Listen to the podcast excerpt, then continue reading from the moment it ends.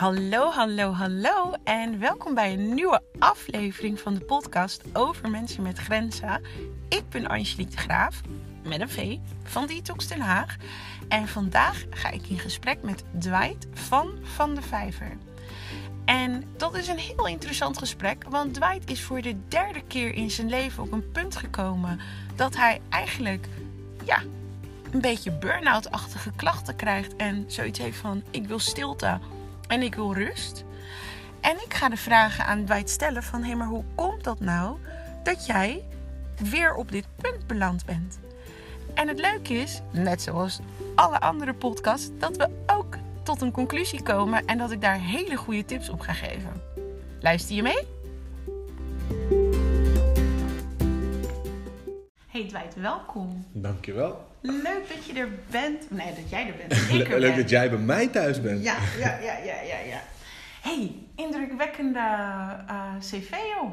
Vind je? Ja, ik heb een beetje zitten rondkijken gisteren. American voetbalplayer, 18 jaar agent. En nu een heleboel creatieve dingen, waaronder een boek. Ook dat, ja. Documentaires, programma's. Ja. Slaap je nog wel eens? Ja, maar wel grappig, want als ik ergens aan meewerk, gaan mensen altijd googlen en dan gaan ze zeggen: Oh ja, je hebt dit en dat gedaan. En dan vergeet ik was het gewoon bijna vergeten. Omdat, omdat ik, politie bijvoorbeeld, ik zat 18 jaar bij de politie en dat was gewoon, ja, weet je, je komt van school, je kiest wat. Ik wilde altijd bij de politie, dat ging ik doen. En ik deed daarnaast dus al heel veel dingen. En merkvoetbal speelde ik al en op een gegeven moment moest ik bijna kiezen. Want ik, was, ik had een paar goede trainingskampen gehad, internationaal. En dan komen er scouts. Maar ik kon net niet doorbreken, omdat ik dus ook bij de politie werkte en ik niet echt kon kiezen. Maar die creatieve kant zat er ook al vanaf dat ik heel jong was. Want ik hield van dichten en schilderen en tekenen en allemaal dingen. Dus ik deed eigenlijk altijd alles tegelijk. En ik denk dat de afgelopen jaren, vanaf 2016, toen begon, begonnen dingen echt een beetje naar buiten te komen. Dat mensen het ook zien. Maar voor mij is het gewoon vanzelfsprekend om al die dingen gewoon tegelijk te doen. En ook wel gewoon te slapen. Oké, oké, oké. Oh ja, ja, dat was de vraag of je wel eens slaapt. Ja. ja. Want um, we hebben elkaar ontmoet bij een boekrelease party. Ja. Van uh, History. Nee, zeg ik het goed? De his oh my gosh. Oh my gosh. Nou ja. We waren bij een boekpresentatie. Ja, boekpresentatie. Laten we daarop even houden. Ik was er plus één van mijn zus, ja. Um, en uh, toen zaten wij te kletsen. En toen um, vertelde je dus al deze dingen. Dus ik was sowieso al van, oh, dat is wel heel... Uh, nee, nu lijkt het net alsof ik over mezelf zit te praten. Ik heb het gevraagd. Oké, wat heb ik verteld? Nou, dat ik een docu heb gemaakt. Ook? Ja, ook. toch? Ja. Het, uh, ja, ook. Oh ja, en we kwamen op politie omdat er iemand daar bijna nokkie ging en we moesten optreden. Jij was de ex-agent ja, van ja. Ja, ja, ja. ja, ja. En, maar waar het, waar het bij mij en waar ik expres die avond dus niet verder op in ben gegaan, omdat ik dat echt wel heel graag in die podcast wilde, was omdat uh, we kwamen bij uitgeblust te raken. Oh ja, ja, klopt. En um, we zijn er nu iets sneller in de podcast opgekomen als dat de bedoeling was, maar um, je vertelde dus dat je heel veel projecten tegelijk deed. Allemaal creatieve projecten en ook een heleboel leuke projecten. Maar dat je eigenlijk ook een beetje moeite had met nee zeggen tegen leuke projecten. Ja, en daardoor dus een beetje uitgeblust raakte. Ja, ja weet je hoe dat komt? Mm, in 2016 um, zat ik bij RTL Late Night aan tafel bij Humberto Tan. En dat was mijn eerste officiële media optreden... Uh, deels namens de politie. Ik zat er als mezelf, maar wel in een politieuniform. En daarvoor kwam ik bij Radio Phonics af en toe. Maar ja, met een DJ in de studio zitten is gewoon heel chill. Je ziet niet hoeveel mensen er luisteren of zo. Het is gewoon alsof ik alleen met hem was. En het was gewoon heel erg chill. Maar bij RTL eh, stond er in één keer wel heel veel druk op. Want in die tijd waren er nog wel heel veel kijkers. Uh, uh, een miljoen. dat weet ik nog. En het was echt oké. Ja, je vertegenwoordigt een organisatie waar 65.000 mensen werken, waar iedereen iets van vindt elke dag. Maar omdat het goed ging, gelukkig, werd ik steeds gevraagd daarna voor dingen. Want mensen hebben je op tv gezien, oh, dan kan die ook wel dit, oh, dan kan die ook wel daar lezing geven. En op een gegeven moment, um, ja, verloor ik een beetje die grens van wat wil ik nou zelf, wat wil die ander van mij. Het wordt bijna vanzelfsprekend, het werd voor mij vanzelfsprekend dat ik het gewoon maar deed. Um, en dat ik ook nog best wel creatieve ideeën. Alleen je hebt creatieve ideeën die je gewoon echt wil doen vanuit je hart. maar je hebt ze ook in het belang van een organisatie bijvoorbeeld, die daarmee kan scoren. En die ga je gebruiken. Dus ik was toen niet bezig met geld verdienen bijvoorbeeld. Waardoor ik dus ja zei tegen dingen.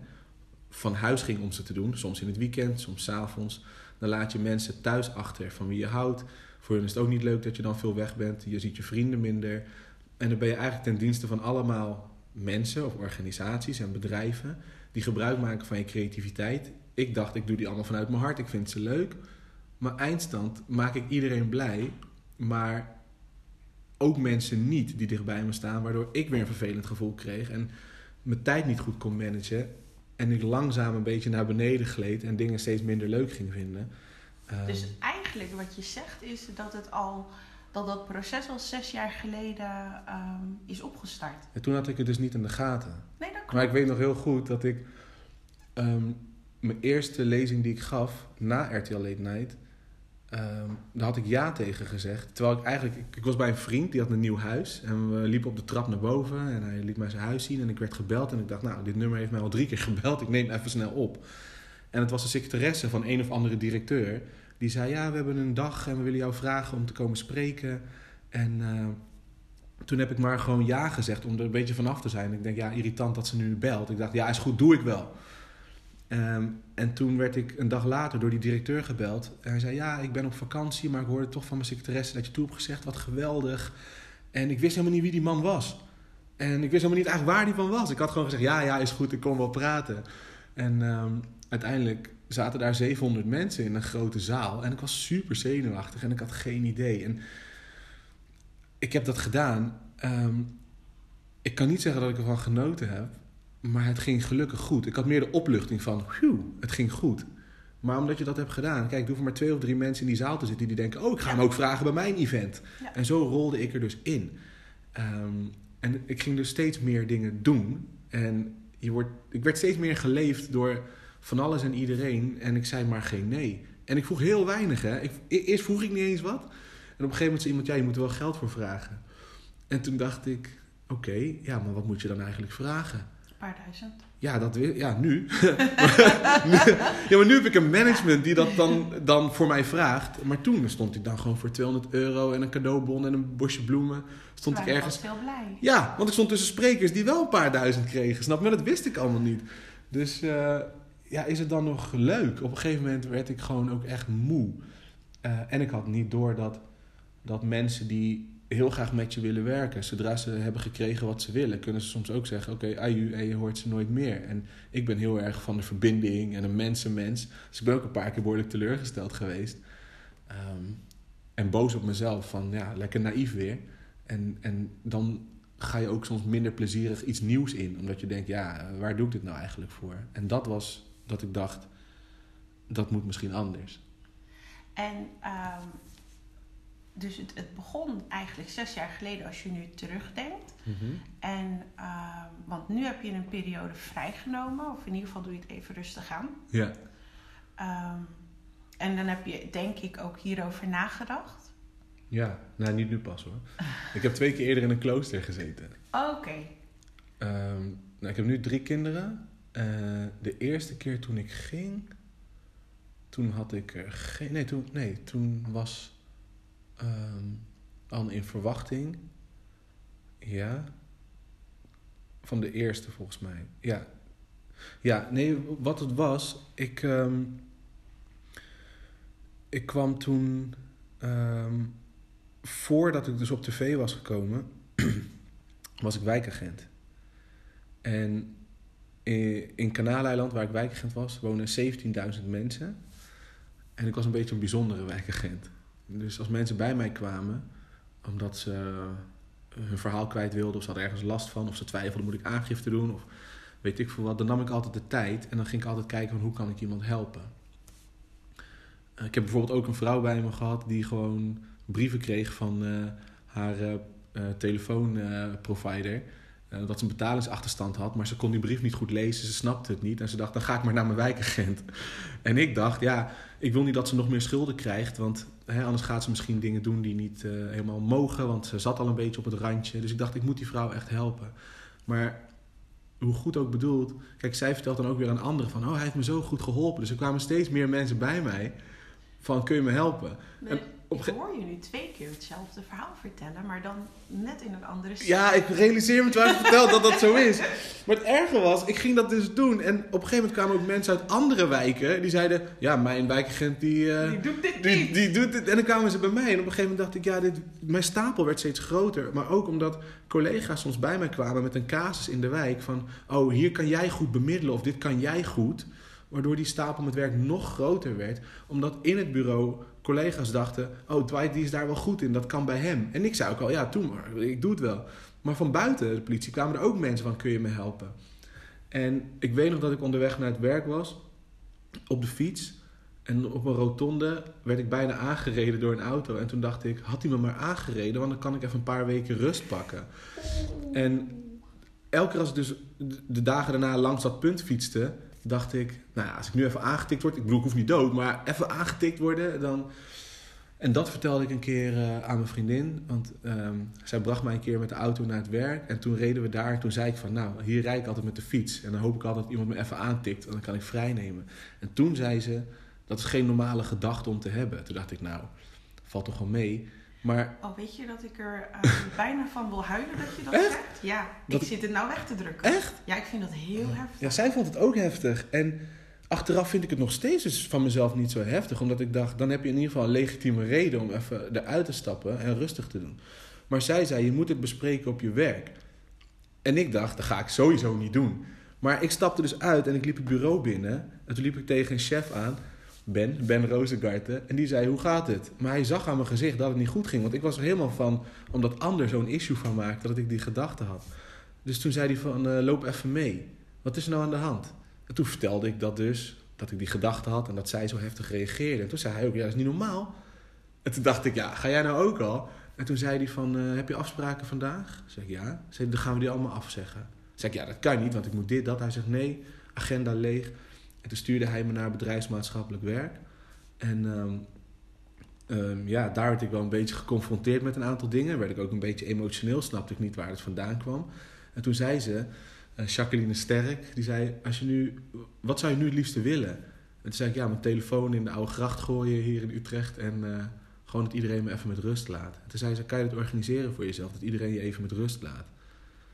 En toen, ehm, toen ik daar wegliep, toen googelde ik gewoon op klooster. Gewoon, ik weet niet waarom, ik googelde gewoon op klooster en toen eh, zag ik er drie. En de bovenste, een klooster in Vaals, ehm, heb ik toen gemaild, want je kon daar een mailtje naar sturen. En binnen een uur eh, kreeg ik een bericht terug van je bent welkom.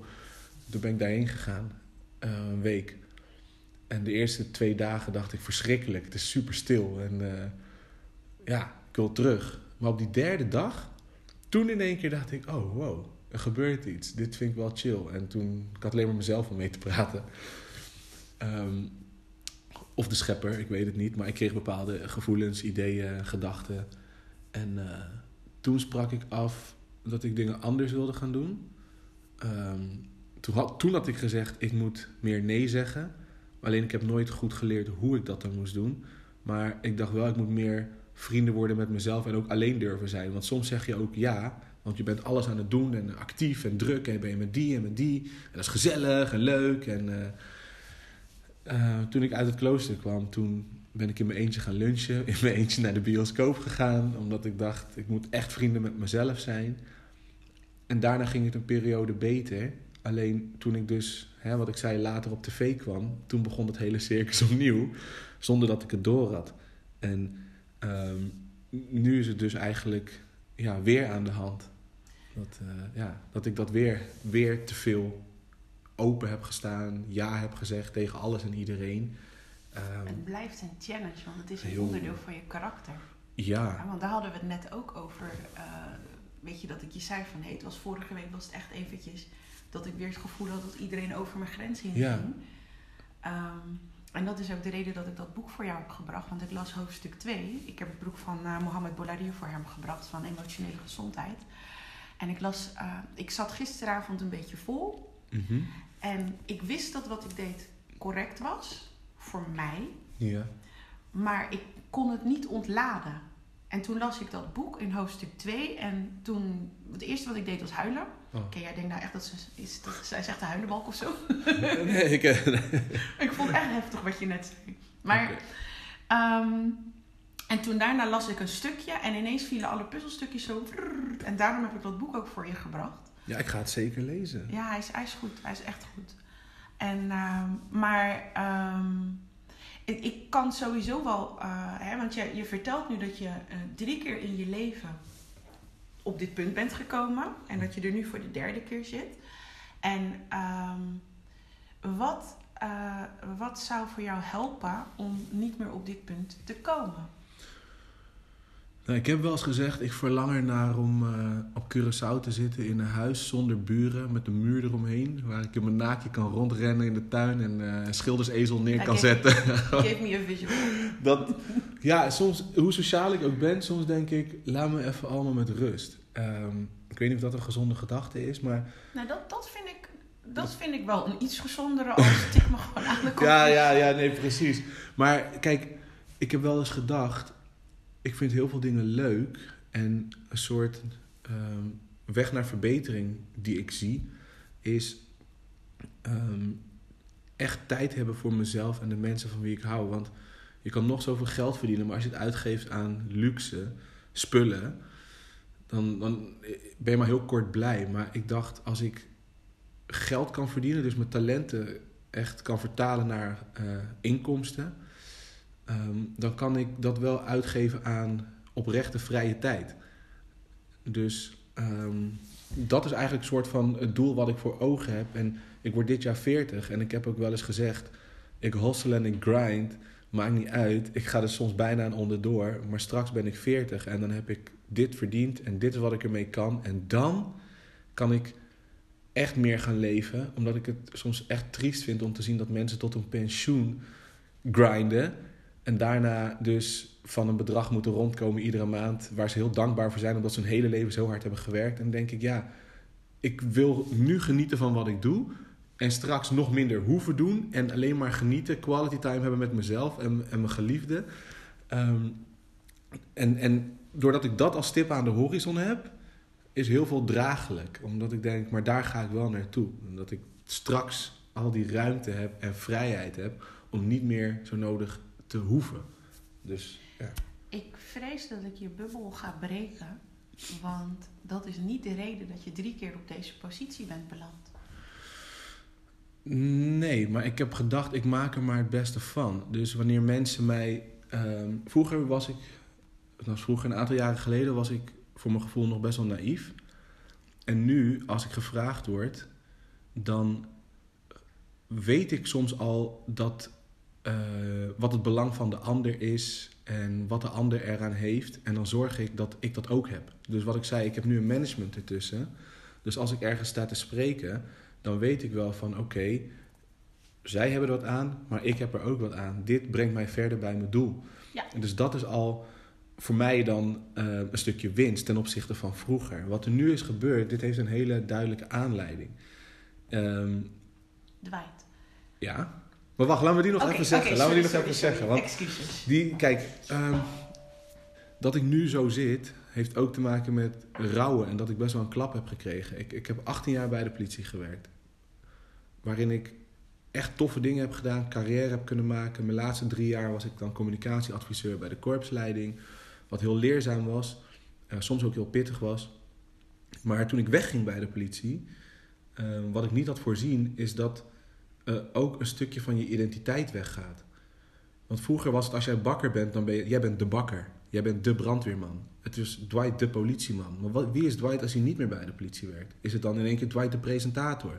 Maar ja, in de mediawereld kom ik ook van allemaal dingen tegen die ik tof vind. Maar ook heel veel dingen waar ik van schrik en denk, oh, gaat het hier zo aan toe? Ik bedoel, er zijn presentatoren die gewoon eh, in rehab moeten hè, voor allemaal shit die ze meemaken of die ze doen. En ehm, je moet jezelf opnieuw gaan uitvinden. En het loskomen van de politie, dat bleek lastiger dan gedacht. Er is nog een incident geweest. Ik, eh, ik ben nog in een situatie gekomen in een hele soort politieke discussie. Waarbij ik in de Tweede Kamer een groot smoel gehad heb en een paar dingen geroepen heb die misschien ook niet helemaal handig waren. En ehm, dat maakte dat er toch een klein bommetje gebarsten was. Maar ze hadden me ook teruggevraagd bij de politie. En iets in mij wilde weer die veiligheid van bij de politie werken. Maar iets in mij zei ook, misschien moet je het niet doen. En daar is een situatie uitgekomen waar ik dus een klap van heb gekregen. Ik had echt gedacht, ik ga terug naar de politie. En toch maar niet. Ehm, daar vonden heel veel mensen wat van. Het stond ook in het NRC. Nou, als iets in het NRC staat met mijn naam, betekent dat de volgende dag op LinkedIn dat er heel veel berichten komen. Op Instagram heel veel berichten komen. Op Facebook heel veel berichten komen. Uh, van mensen die allemaal willen weten hoe het zit. Of die zeggen, hey, hartstikke goed. Of die zeggen, hey, ben je gek geworden? En dat maakte dat ik echt dacht, rust. Rust van alles en iedereen. Ik moet nadenken, wie is Dwight? Wat wil Dwight? Laat me de fuck met rust iedereen gewoon. Ja, maar even serieus. Weet je, ik, ik, ik hou van mijn volgers. Ik vind het super tof. En dat zijn ook niet degenen die mij uh, hoofdpijn geven. Het zijn vooral de mensen die me niet volgen, maar die toch wel vinden dat ze iets mogen zeggen. Of iets willen weten. En waarvoor, waarom, ik weet het niet. Um, ik wil gewoon met rust gelaten worden. En dat is niet om mensen weg te zetten of lelijk te doen. Ik wilde gewoon alleen zijn. Zelfs van de mensen, ook van wie ik hou. Daarom ga ik ook fietsen gewoon weg. Omdat ik denk, laat me gewoon alleen zijn. Dat is echt nu aan de hand. Um... Maar je mag mijn bubbel nog steeds bursten. Je mag nog steeds... nou, wat ik hoor in dit gesprek is... Um, enerzijds dat je um, een les hebt waar je nu in, voor de derde keer mee geconfronteerd wordt. En in alle drie de keren was jouw reactie: laat me met rust, ik wil stilte. Klopt. Met alle respect, hè? Ik, ik ben niet vervelend of gemeen of zo nu aan het zijn. Ik, ik, ik benoem gewoon wat ik jou heb horen zeggen.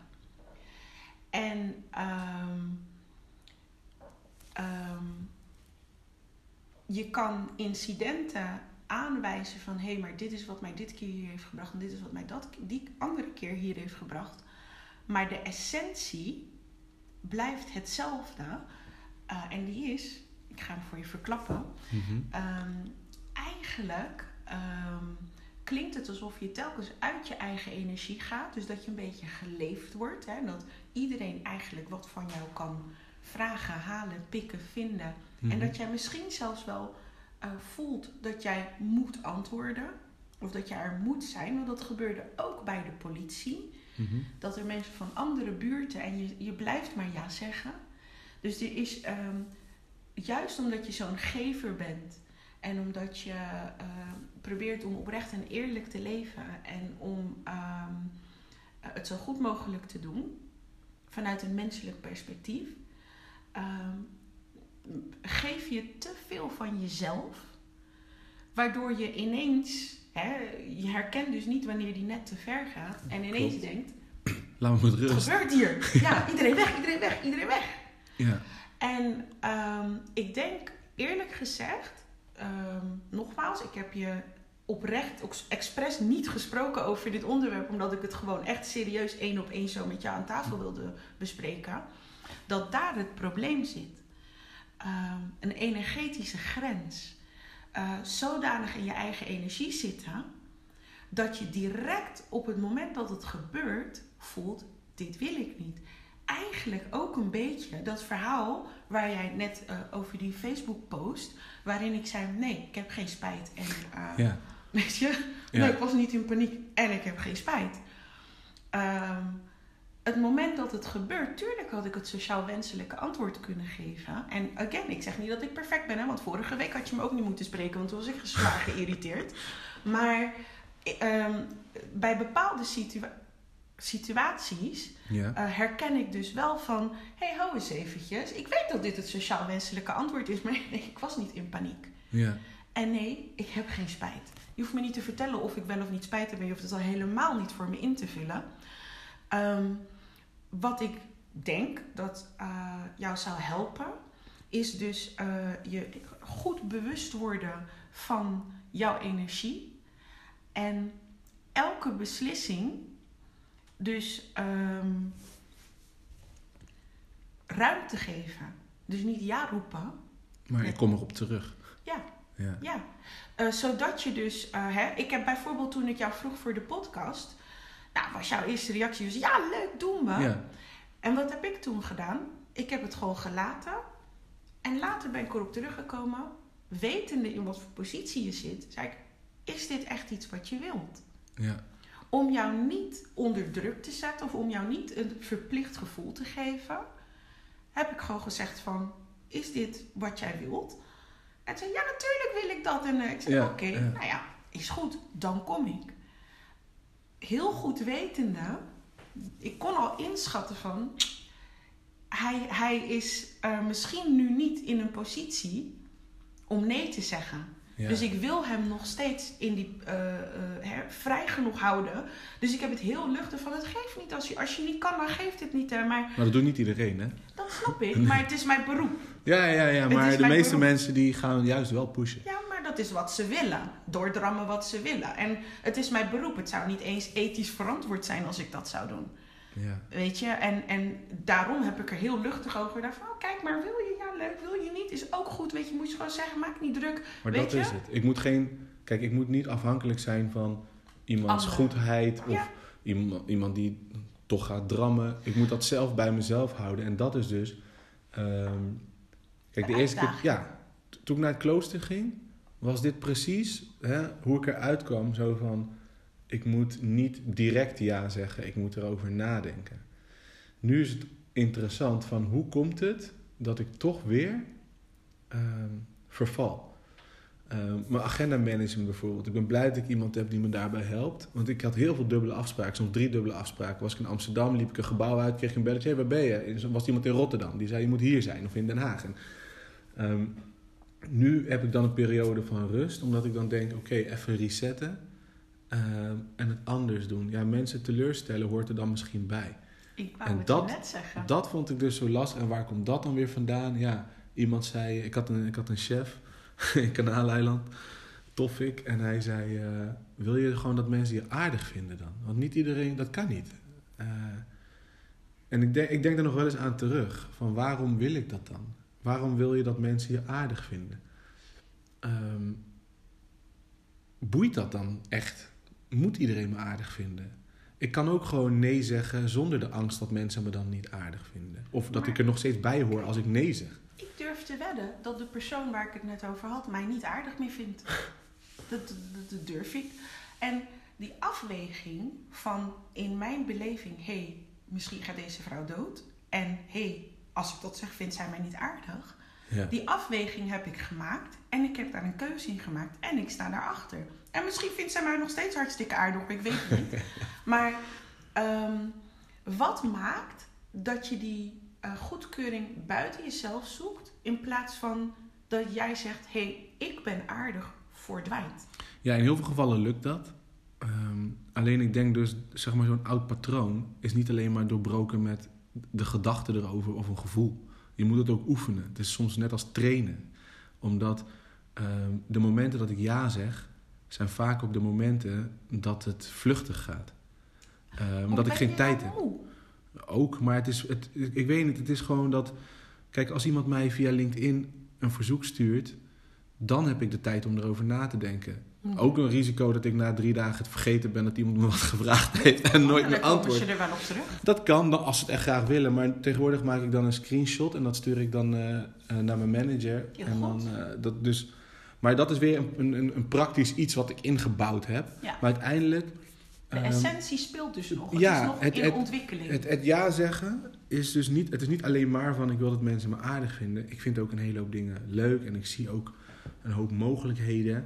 Ehm, ik krijg ook wel eens de vraag van, het, of, mensen zeggen het kan toch niet allemaal tegelijk wat je doet. Ehm, ja, je vindt zoveel dingen leuk, je zegt overal ja tegen. Dan denk ik, je ziet dingen, maar je ziet ook heel veel dingen niet. Ik zeg ook nee tegen een hoop dingen die je niet ziet. Maar daar zit ook toch wel een stukje, en dan komt het, toch een stukje bewijzen dat ik het wel kan. Iemand zegt, je kan niet schrijver zijn en televisiemaker en politieman en ook nog drie kinderen en zelf zoveel sporten. maar En dan denk ik, ik ga laten zien dat ik het kan. But like, why do you even care what people say? Nou, het is ook als ze het zeggen en het komt binnen, dan wil ik het aan mezelf ook laten zien. Maar Dwight, even, ik ga terug met je. When did this happen? Wat is je, wat, waar is dit begonnen? Who told you you couldn't do something? Dat je nu, wanneer dat gezegd wordt, direct die neiging.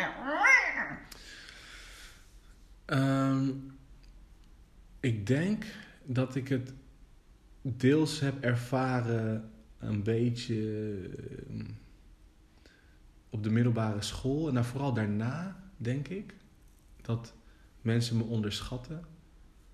Of dat je soms, dat mensen verbaasd zijn als je iets goed kan of zo. Dat ze denken, oh wauw, oh, dat hadden we niet achter jou gezocht. Oh, ik heb zelfs gehad dat ik een gedicht had geschreven voor Engels. En dat mijn, Engels, mijn docent Engels dacht dat ik het gejat had ergens van een of andere dichter. En dat ik toen dacht, aan de ene kant is het een compliment. Deze docent denkt dat ik een gedicht heb gepikt, plagiaat heb gepleegd, weet ik veel, van een echte dichter. Dat betekent dat wat ik heb gemaakt goed is. Maar het laat me ook zien dat deze man andere verwachtingen van mij heeft. Van jij kan dat niet. Dit kan jij nooit gemaakt hebben. En dat raakte mij ook best wel. Dat, ik werd er ook, ik kan bijna weer boos om worden. Ik denk, wie de fuck is hij om te zeggen dat ik dat niet kan? Ik bedoel, als hij zo slim is, dan zou hij weten dat het niet van iemand anders was, toch? Maar in ieder geval, dat gebeurde. Maar ik heb ook gezien dat mijn moeder bijvoorbeeld en mijn vader, die hadden gestudeerd en die kwamen in Nederland. Mijn vader ging verder studeren, heeft rechten gedaan en nog een paar studies.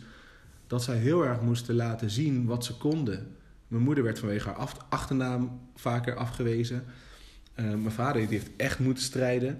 Um, die moesten altijd laten zien, of twee keer zo hard werken en laten zien wat ze konden. Om gewoon mee te gaan met mensen die gemiddeld waren. Want ik durf te zeggen dat ze echt veel meer deden. Mijn moeder is super creatief, mijn vader is super slim. Uh, maar altijd maar gewoon meegaan met het gemiddelde. Want die moet ook niet te ver erboven uitkomen. Want dat vonden de mensen ook moeilijk in die tijd. Hè? Want ze kwamen in 68 kwamen ze naar Nederland. Dus ik heb heel erg gezien dat ze altijd zeker ook um, ja, naar buiten toe hebben um, moeten knokken en laten zien en strijden wat ze waard waren en wat ze konden. Dus dat is gewoon het voorbeeld wat ik heb gehad. En wat ik al zei, de complimenten die ik kreeg, die meer een verbazing, als verbazing bij mensen binnenkwamen van, oh, hij kan dat ook. Ja, dat was dan denk ik uh, waardoor ik nog harder ging. En dacht van, ik kan het allemaal en ik ga het je laten zien. En de dingen die ik niet zo goed kon, dacht ik, ik ga zorgen dat ik het binnen zes maanden ook kan. Zodat ik je laat zien dat ik in korte tijd dit ook kan leren. En dan word ik twee keer zo goed. Kijk, het heeft je iets gebracht. Want je bent uh, tien jaar lang uh, professioneel American football player geweest. Um, je bent vanuit de politie naar presentator, naar ZZP'er, naar, weet je, you mhm. did all of that. So, het heeft je zeker iets gebracht, gebracht en dat is fantastisch. Mm Dat is ja. vooropgesteld. Uh, alleen waar het haakje zit, is dat het dus ergens lever je ook in. Ja, van sommige dingen geniet ik ook bijna niet. Dus dat is het erge. Dan, of heel kort. Dus mensen die zeggen van, uh, wow, je hebt een boek geschreven. Zeg ik letterlijk, ja, maar dat is drie maanden geleden. Ik heb er drie jaar over gedaan. Na mijn boekrelease, drie maanden daarna, was ik er al niet meer mee bezig. Was ik alweer gefocust op het volgende. En dan soms wil ik ook zeggen: oké, even een stap terug. Ik wil genieten van wat ik heb gedaan. En ik heb het er wel eens over met, uh, met Arno en Aziz, met wie ik heel veel doe. Uh, zij doen ook briljante dingen. En, zij lopen er ook tegenaan. Aziz die schrijft uh, scenario's voor series die we gewoon hier op tv kunnen zien. En zeg ik super vet man, maar dan staan we er wel bij stil. Arno gaat de hele wereld over, doet een fantastische dingen. En dan zeggen we als maar gast, we zitten zo weer op een nieuw project, maar vieren we ook wel wat we bereikt hebben. Vieren we wel wat we hebben gedaan. Ik doe dat veel te weinig. Ik heb ook, ook mensen om me heen die vrij nuchter zijn. Weet je? Ik bedoel, als ik met Anne naar een première ga, is het niet dat we vieren van kijk ons op een première zijn. Oké, leuk, aardig. We zijn gewoon normale mensen. We zijn niet als die andere BN'ers of zo. We zijn gewoon normaal. Het is niet echt gevierd. Dus soms wou ik dat ik meer kon genieten van al die dingen. Daarom, hè, wat jij zegt, ik heb je gegoogeld, je hebt dit gedaan, dat gedaan. Soms word ik aangekondigd ergens en dan sta ik daar te wachten tot ik het podium op ga. En dan gaat iemand oplezen wat ik allemaal heb gedaan. Dan denk ik, poepoe, doe maar rustig. doe, maar rustig. maar maar ik, ik wil, kon ik het maar gewoon zo vieren. Ik heb altijd te maken met ook bijvoorbeeld uh, afgunstige mensen. Dat was zeker binnen de politie. Dan heb je iets gedaan wat eigenlijk super vet is. En dan kom je gewoon zure mensen tegen. Dan denk ik, ja, laat me het vooral niet hier vieren. Want uh, mensen zeggen gelijk dat ik naast mijn schoenen loop. Of dat ik mediageil ben, weet je wel. Oeh, doe maar rustig. Wat als jij uh, inderdaad... Nou, dan zeggen die mensen dat. En dan? Ja, nu ben ik erachter gekomen dat het probleem daar zit en niet bij mij. Want nu kan ik ook denken van, oké, als je dan wil haten en lelijk wil doen, dan weet ik dat ik kennelijk iets goeds doe. Want jij bent een zuur persoon die op iedereen haat die jou voorbij gaat. Dus please, give me more. Geef me meer energie. Dat- maar dat is gewoon echt zo. Er zullen altijd mensen zijn die het niet leuk vinden. Als je succes hebt. It is what it is. Ja, maar daarom is het een goede graadmeter. Want ik weet precies wie die mensen zijn. En ik weet precies uit welke Ja, hoek het komt. En dat is ook prima. dwaait en hoe succesvoller je wordt, hoe meer het vanuit een onverwachte hoek komt. Oh, dat heb ik ook wel eens gemerkt. En daardoor koester je de mensen nog meer die eh, dichtbij je staan. Maar het doet niet minder pijn. Ik schrik er wel van. Als iemand uit me, die dichtbij me staat lelijk doet... over iets wat ik heb gedaan of heb bereikt... Ehm, ik heb bijvoorbeeld ik heb in een film gespeeld. Hè? Eh, ik was gevraagd om auditie te doen. Eh, een beetje typecasting. Ik speelde dan een eh, politieonderhandelaar. Ik heb daar heel veel van geleerd, omdat ik tussen echte acteurs liep. En dat is voor mij de beste leerschool tussen professionals en ik leer van jullie. Ehm, als ik op terugkijk, dan zou ik mezelf, denk ik, een, net een voldoende geven. Gewoon qua acteerprestaties. Ehm, ja, mijn vrienden waren ook op die première. En eh, iedereen eh, lachte, oh leuk, leuk, goed gedaan, dit en dat. Ehm, twee jaar later besloot ik acteerlessen te nemen. Dus begin vorig jaar ging ik naar de toneelmeester in Amsterdam en eh, ik ging daar een cursus volgen. Ehm, vrienden van mij wilden afspreken om wat te gaan doen, maar dat was op hetzelfde moment dat ik les had. Dus ik zei, ik kan niet, want de jongen zei, ik heb acteerles. Ehm, zo ben ik. Ik bedoel, we kunnen altijd afspreken, we zijn Mhm. matties, maar, Ja, maar- nu ja. ga ik voor iets van mezelf. Dit is Ja. acteerles. Dat is niet leuk, want het blokkeert zijn plan. nou ja, iemand uit die groep die zei: Oh, dat heb je ook wel nodig. Want eh, in die film. Toen dacht ik: Al die jaren heb je je mond erover gehouden. En nu laat je me weten dat je eigenlijk vond dat ik sukte. Dat ik, dat, hè? Dus, dus ik zei: Wat bedoel je? En hij deed daar lacherig over. En het kwam toch wel bij me binnen, omdat ik dacht: Ja, en misschien ben ik echt overgevoelig op dat punt. Maar ik dacht: Kijk, je, twee jaar lang zeg je er niks over als je een goede vriend bent, mag je ook gewoon zeggen van... Hé hey gast, het was best aardig wat je deed, maar weet je... Vind ik niet erg, hè? Dat, dat heb ik ook tegen mezelf gezegd. Maar dat je gewoon erover lacht, hè? Oh, prima, prima. En twee jaar later kom je met zo'n steek. Ik werd daardoor heel erg gemotiveerd, omdat ik dacht... ehm, als ik mezelf een 6,5 geef voor mijn eerste acteerprestatie... misschien drie of vier films verder, ben ik een 8. Of een 8,5 of een 9. En ik ga acteerlessen volgen. In die tijd dat jullie een, een drankje doen, Ja. ben ik dat aan het doen om mezelf te verbeteren. En dan denk ik, we zijn wel vrienden. Maar dat jij mij die steek geeft, wil ik gelijk omdraaien naar iets positiefs voor mezelf. Van, hey, fuck deze shit dan. Want al die acteurs die je op tv ziet, hebben ook wel tien keer gefaald voordat ze daar stonden. Noem het falen. Ik geef mezelf nog een 6,5 zoals ik zei. Ik, ik, ik vind terugkijken moeilijk, omdat ik denk, ik zou nu al beter kunnen. Maar dat was mijn eerste keer. Maar dat, het uit, uit, dat iemand uit mijn eigen vriendengroep twee jaar later zo'n steek gaf, dat vond ik echt kut. Maar het kan ook zijn dat het die persoon gewoon dwars zat. Of dat die persoon daar... Hè, dat kan. Dat ja, kan. of, of er is niks en hij vond het gewoon grappig Ja. om het te dissen, weet je. Want ik bedoel, vrienden mogen elkaar soms ook een beetje dissen. Maar die kwam gewoon bij mij wel binnen. En, eh, en dit is nog een hele lichte, want... En het is heel erg goed dat je bepaalde dingen omdraait en zegt: ik gebruik het als fuel. Ehm, maar wat ik vandaag zeker eh, ehm, goed naar voren wil brengen is: ehm, hoe kunnen we Dwight eh, ten eerste ervoor zorgen dat Dwight niet meer in deze situatie komt? En eh, hoe kan ik jou ehm, helpen om aan te sterken om vanuit je eigen positie bewust te handelen? Ehm, zodat je ehm, niet meer eh overweldigd raakt of niet meer eh, overal ja op zegt, ondanks dat het leuk is. Ik zou zeggen, ik heb echt geen idee. Mensen vragen ook van, oké, je hebt een periode van rust. Ga je dan een cursus doen om te zorgen dat je, hè, of ga je dit? Of... Nee, ik dacht, ik weet het gewoon niet. Nee, maar daarom ga ik ook weg. Want het, twee maanden rust was geen twee maanden. De eerste week moest ik nog dingen afmaken voor werk. De tweede week was mijn dochter een hele week ziek. De derde week was mijn middelste een hele week ziek. De vierde week was de jongste de hele week ziek. Dus daarom besloot ik ook weg te gaan en te gaan fietsen. Omdat ik ook weg moet van mijn gezin. Omdat ik anders nog steeds niet de rust heb in mijn hoofd. in mijn hart, weet ik En veel. toen zat Angelique aan tafel. Kan ik er ook nog wel even bij hebben? Ja, ja. Nee, maar ik bedoel, over twee dagen ga ik. En ehm, ja, ik dacht, ik heb altijd dat ik weet, ik ben dit aan het doen, dat aan het doen, moet zus zo. Nu dacht ik, het mooie is dat ik het niet weet. En tegelijkertijd vind ik het spannend, omdat ik dus ga fietsen en nog niet eens een hotel geboekt heb of wat. Ik ga gewoon fietsen. Oh, maar daar is En we zien wel. comfort. Nou ja, ja, ja we- we gaan het zien. Maar wat ik, wat ik dus wel aan je kan geven, of waar ik je dus wel bij kan ondersteunen, is ehm, hè, dat, dat bewustzijn. Hè, dat ehm, wat er ook gevraagd wordt, door wie dan ook, of het leuk is of niet, je hoeft niet verplicht te antwoorden. En dat wil ik leren. Dat is een concreet ding. Het nee kunnen zeggen. Ik heb niet eens nee gezegd. Ik zei gewoon, je hoeft niet eens antwoord te geven. Ja. Just like, not at all. Even water, want anders.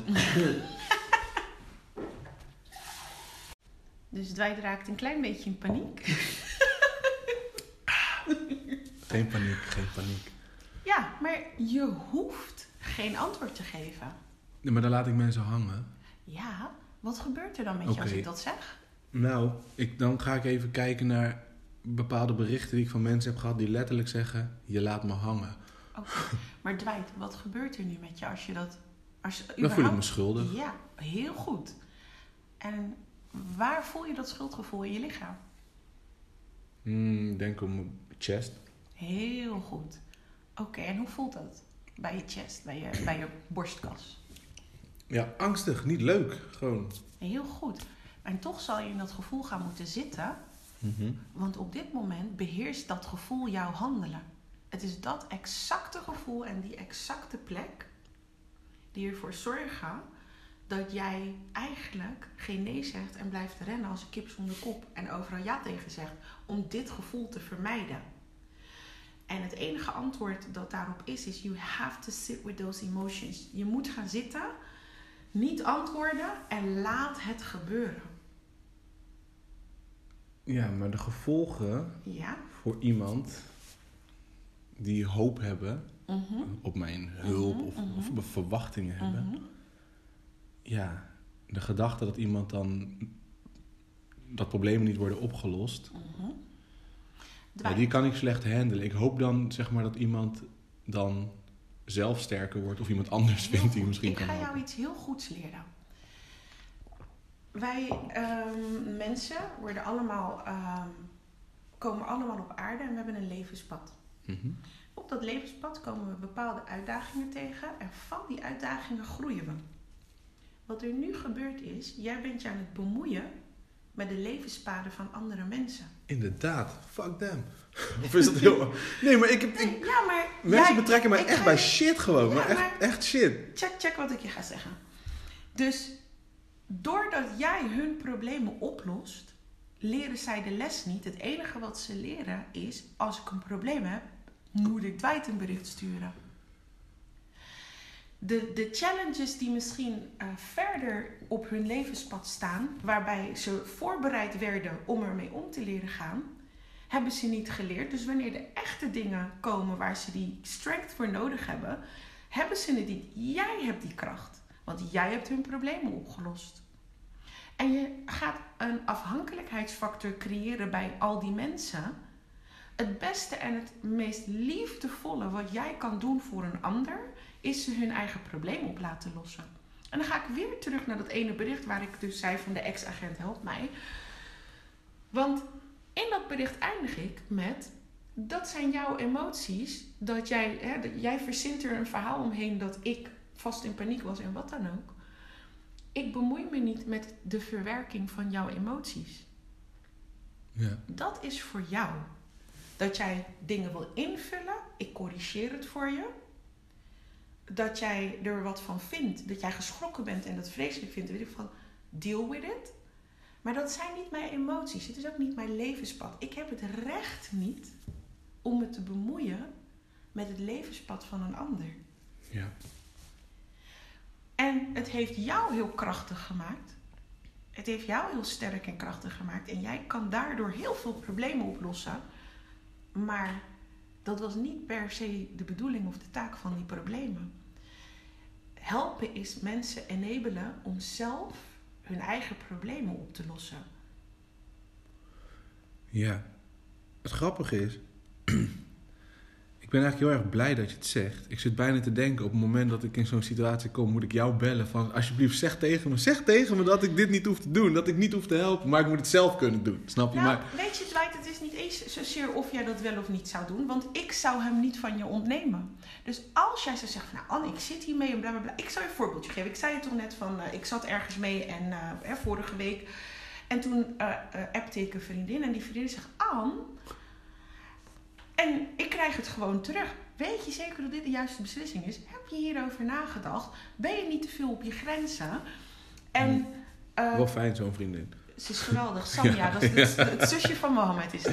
Oké. Okay. En, um, en ja, dat deed even auw. Het was even auw. Maar ik wist, Samia is echt puur. Ze is pure love. Ze is geweldig. Mm -hmm. En um, zij mag mij laten nadenken. Angelique, hoe ben je in deze situatie gekomen? Wat is jouw positie? Sta je in voor de consequenties? Heb je er goed over nagedacht? Ze zegt niet wat ik moet doen. Ze zegt niet wat ik moet doen. Maar ze attendeert me er wel op van denk er even over na. En echt, het deed eventjes pijn. Um, en heel toevallig dan weer haar broer, dat ik toevallig zijn boek lees, dat ik dacht, ja, dat, dat, Mm. dat was het. Nu valt hij van me af. Um, maar leer jezelf aan, bemoei je niet met andere mensen hun levenspad en hun levenslessen. Je bent er alleen om te faciliteren in hun eventuele groei of niet. Maar het is niet de bedoeling dat jij hun problemen overneemt. Dat is een goeie. Ja, dat moet bijna een mantra worden. Ik heb hem als mantra voor je als je wil. Dit is mijn mantra, Okay. um, want ik heb dit probleem ook gehad in mijn praktijk. Um, dat ik me druk, drukker maakte om de klachten van mensen dan dat ze dat zelf deden. Ja, dat herken ik. Hè? Ja. Ja, als, als, wij, als wijkagent heb je Ja. dat ook. Weet je, dat, eh. Mijn mantra is als volgt. Ik bewonder en respecteer jouw levenspad en jouw levenskeuzes. Dus ook al hebben die nadelige gevolgen Voor jou. voor jou. Ja. Maar dat zijn jouw keuzes. En je hoeft, ik hoef daar niks van te vinden. Ik hoef daar niks bij te voelen. Het is jouw leven en het zijn jouw keuzes. Dus ik heb een heel scala aan woorden uh, ontwikkeld. Zoals, oh, wanneer iemand me wat vertelt. Oh, klaar. Vreed, oké. Okay. Of, uh, oh, interessant. Interessant betekent bij mij heel veel dingen. oké. Okay. Oh, interessant. Ja. Oh, en dan kan ik ook oprecht van, oh, hoe ben je tot uh, die conclusie gekomen? Of hoe... Maar het is ja. niet de bedoeling dat ik jouw probleem overneem. Net wilt... zoals ik nu in dit gesprek. Maar helpen, kijk, helpen is niet overnemen. Want er zit natuurlijk wel een soort van nuance. Um, kijk, ik, ik, ik ben niet op aarde gezet om andere mensen te redden. Um, maar het is wel fijn als iemand je helpt. Ik, dat is ik, fantastisch. Ik, ik, moet zeg maar ergens wel een balans vinden. Hè? Want, kijk, maar de definitie van het woord helpen, ja? daar mag je opnieuw over nadenken. Wat is, wat is volgens jou de definitie? Zoals ik zei, het is, je mag van een afstand het levenspad van de ander bewonderen, bewonderen en respecteren. Mm -hmm. Maar het is niet aan jou om die problemen op te lossen. Want dat zijn de challenges waarvan die ander sterk wordt. Dat is de training ja. die de ander nodig heeft om zelf tot een oplossing te komen en zelf die stappen te nemen. Want True. anders heb jij straks de regie van 20 mensen of 30 mensen om je heen met al hun problemen. Ja, dat nee. moeten we niet hebben, hè? Nee. Er zijn mensen in dienst bij het wijkteam, niet van de politie, maar volgens mij heet dat nu wijkteams, ja, ja. Die, die je helpen met het lezen van je brieven. Ja, dat klopt. Ja, Bij dat klopt. van. Maar het, ja, dat, dat is zo, hè? Kijk, dat is waar. En Ehm, ja, Dwight doet het misschien beter. Maar weet je, als Dwight er straks niet is, om wat voor reden dan ook, omdat Dwight op vakantie is of wat dan ook, zal je het ook zelf moeten doen. Nee, dat, dat is ook zo. Kijk, het, het, is, het verschil is denk ik. ehm, dit begon bij mij best wel vroeg. Ehm, en het is een verschil of je jongere mensen helpt, kinderen of volwassenen. Ja. En ik heb als wijkagent, nee, voordat ik wijkagent was, ik, was, ik, was, ik zat in de noodhulp in Overvecht, heb ik eh, een jongen geholpen. Die op een gegeven moment zat bij mij thuis op de bank heeft geslapen. Eh, omdat hij niet thuis kon wonen en de instelling waar hij zat, daar moest hij weg. Eh, en ik weet nog dat jeugdzorg heel erg blij was. En dat mijn eigen chef zei: Ja, maar die mensen van jeugdzorg zijn blij omdat jij hun werk doet en zij moeten Ja. dat oplossen. Ja. En ik dacht alleen maar: Ja, dat klopt wel, maar alle volwassenen rondom die jongen maken er een potje van. En ik ben de enige die zegt: Hier, je kan hem op de, op de bank slapen en ik ga met jou kijken hoe je En- verder kan. Incidenteel is dat prima. Precies, want de, maar kijk, deze. Ik, ga, ik heb niet het, verschil gemaakt, dat doet hij zelf. Maar ik denk wel dat als ik er niet op dat moment was, dan waren er best wel nare dingen misschien met hem gebeurd. En het verschil zou ik willen maken tussen eh zo'n jong iemand helpen die nog eh, ja, best wel afhankelijk is van volwassenen. En de volwassenen minder helpen tussen aanhalingstekens die eh, lang in een soort slachtofferrol blijven zitten en naar mij blijven kijken van, maar jij bent er toch? Zonder boos op ze te worden. Hè? Want, Oh. eh, Maar soms zit er echt manipulatie bij, dat weet Oh. ik. Sommige mensen die dwingen bijna af dat je ze helpt. En dat doe ik dan ook met tegenzin. Ehm, ja, omdat, ik, omdat het ook iets van zwakte uitstraalt. En ik ben dan ook allergisch, want dan denk ik, weet je wat ik allemaal heb doorstaan? En dan ga jij nu om dit, wil je dat ik dit en dit allemaal voor je doe? Maar goed, Je gaat mensen aantrekken. Ja, daar wil ik een soort van balans in vinden.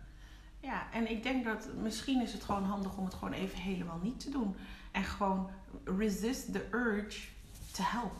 Ja, dus, dus toch op Curaçao, met die muren om me heen, in de tuin zitten schilderen, even een periode Dan gewoon. komt er een zielige schildpad. Dan denk je, ah, die arme schildpad. Nee hoor. In the end, het gaat erom dat... Ja, het is een onderdeel van je karakter. En de les presenteert zich nu voor de derde keer. Dwight, back up. Ja, Je hebt het recht niet om mensen hun problemen over te nemen. dat is een goeie. Dat doe ik letterlijk. You're interfering with their God-given right of free choice and growth. En in het begin gaat het oncomfortabel zijn en dat vervelende gevoel op je borst geven. En daar wil ik je best een olie voor sturen. Mhm. Weet je, dat. eh, maar. eh, en dat, dat gaat ook helpen hoor, begrijp me niet verkeerd. Maar ehm, ik, je moet met dat gevoel gaan zitten. Nou, ik ga met dat gevoel ga ik op de fiets zitten. Ja, En dan ehm, is de reden dat ik even niks kan doen, is jongens, ik ben er ook gewoon echt even niet. ja maar we moeten het niet en als ik terugkom, als ik terugkom, dan moet dat dus, Ja. dan snap je, dan moet ik dat vasthouden. Ik ga je wel wat extra hulp en tips geven, maar jij moet nu de kinderen van school gaan halen. Ik moet de kinderen van school halen, ja. Ehm, maar ik voel ook dat dit niet bij één sessie kan blijven. Nee, maar, nee, maar even serieus. Ja, het is niet... eh, als dit zo makkelijk ging, ja, dan eh, was iedereen snel geholpen. Ik, ik Snap ga je, er verder We moeten, als ik terugkom, Ja, als ik dan weer twee of drie weken eh, mijn ding aan het doen ben, dan moeten we even kijken, maar hoe gaat het nu? ja, want anders, anders is het voor niks. is geen probleem. Het is niet voor niks, maar je snapt wat ik bedoel. Want... Ik snap wat je bedoelt, but you know what? I'm gonna tell you a little secret. Vertel. Ik bewonder en respecteer jouw levenspad. Mhm. Je gaat het niet meer doen. Let maar op. Als jij deze in je hoofd zet, je gaat het niet meer doen. Oké. Watch my En words. Die hou ik vast. Ja, ja, ja. Gewoon iedereen die je benadert met een hulpvraag. eh, goh, en hoe ga je dat nu aanpakken? Ja. ja. Ja, je moet gaan praten met termen als je en jouw probleem. Oh, wat lastig. Hoe ga je dat aanpakken? ja. Oh, ik heb er alle vertrouwen in dat dit jou gaat lukken. Oh, ja, ik heb gehoord wat je net zei. Succes. ja. En train het. You won't be needing me anymore. Ik sta er voor je. Als je dat wil, wil ik echt wel voor je klaarstaan. En wil ik echt... And I'd love to talk to you about it again. Maar ik weet precies hoe dit gaat. Je gaat er niet meer op terug. Laten we over een paar maanden, laten we dan even terugblikken op eh, hoe, het, hoe het me is vergaan. Gaan we doen. En Ja. ik ga het boek lezen. ja, hij is leuk. Hij is heel Als ik mooi. ergens een slaapplaats heb gevonden in Frankrijk. Dat komt helemaal goed. eh, ja. En denk je niet eerst België? Ja, ja, ik ga in Antwerpen overnachten. Want anders, eh, ik, ik- naar, Par- naar Parijs fietsen, dat, is- dat duurt te lang in één keer. Weet je, geniet van je omgeving ook. Ja, dat, dat wil ik ook, ook Ja. al is het koud. Ja. ja. Komt Hey. goed. Dankjewel. Hartst- eh, ja, hartstikke bedankt. Ik, heel spannend. Jij bedankt. Spannend, spannend, spannend. Ik bewonder en respecteer jouw keuzes en jouw levenspad. Thanks. Geef het terug in woorden. Hey, succes. Dat gaat je lukken. Dankjewel. Dankjewel, yes.